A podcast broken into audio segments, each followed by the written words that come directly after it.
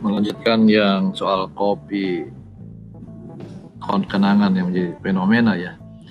Memang beda ya tren usaha di kopi ini dengan waktu bisnis tren seperti kopi Milo ya. Kopi Milo itu kalau aku lihat mendadak tampil, mendadak besar terus nggak dengan lagi gitu bersama seperti John Surabaya ya di tempat saya dulu ada beberapa tempat sekarang sudah sepertinya tidak terlihat lagi Nah, kalau kopi ini mungkin karena semua suka ya.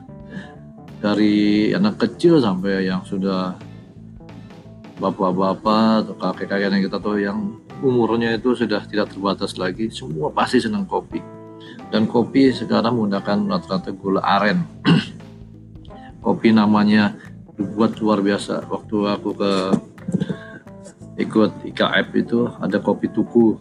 Nah, itu juga luar biasa makanya kalau menurut aku sih sebaiknya bisnis yang kalau bisa jangan bisnis tren. Kalau tahu itu bisnis tren sebaiknya menyiapkan ketika tren itu sudah hampir habis siapkan bisnis tren berikutnya.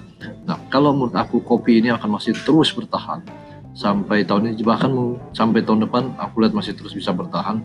Yang penting itu tadi inovasi tanpa batas. Mau tulis namanya terasa dibeda-bedain ya. Pokoknya aku pelanggan kopi-kopi lokal. Kenapa? Semangat kopi lokal. Karena teman-teman yang muda atau siapa pun, siapa pun suka kopi. Di mana pun kita pasti ngopi. Ya, kopi kita buat segala macam tuh. Ada nanti ketariknya, ada matcha, ada mocha, ada regal. Tuh. Kalau gitu, kita hanya dua pilihan. Kita mau ikut terhadap yang sudah ada, artinya kita franchise atau kita membuat bisnis kopi dengan nama kita sendiri, dengan cara kita sendiri.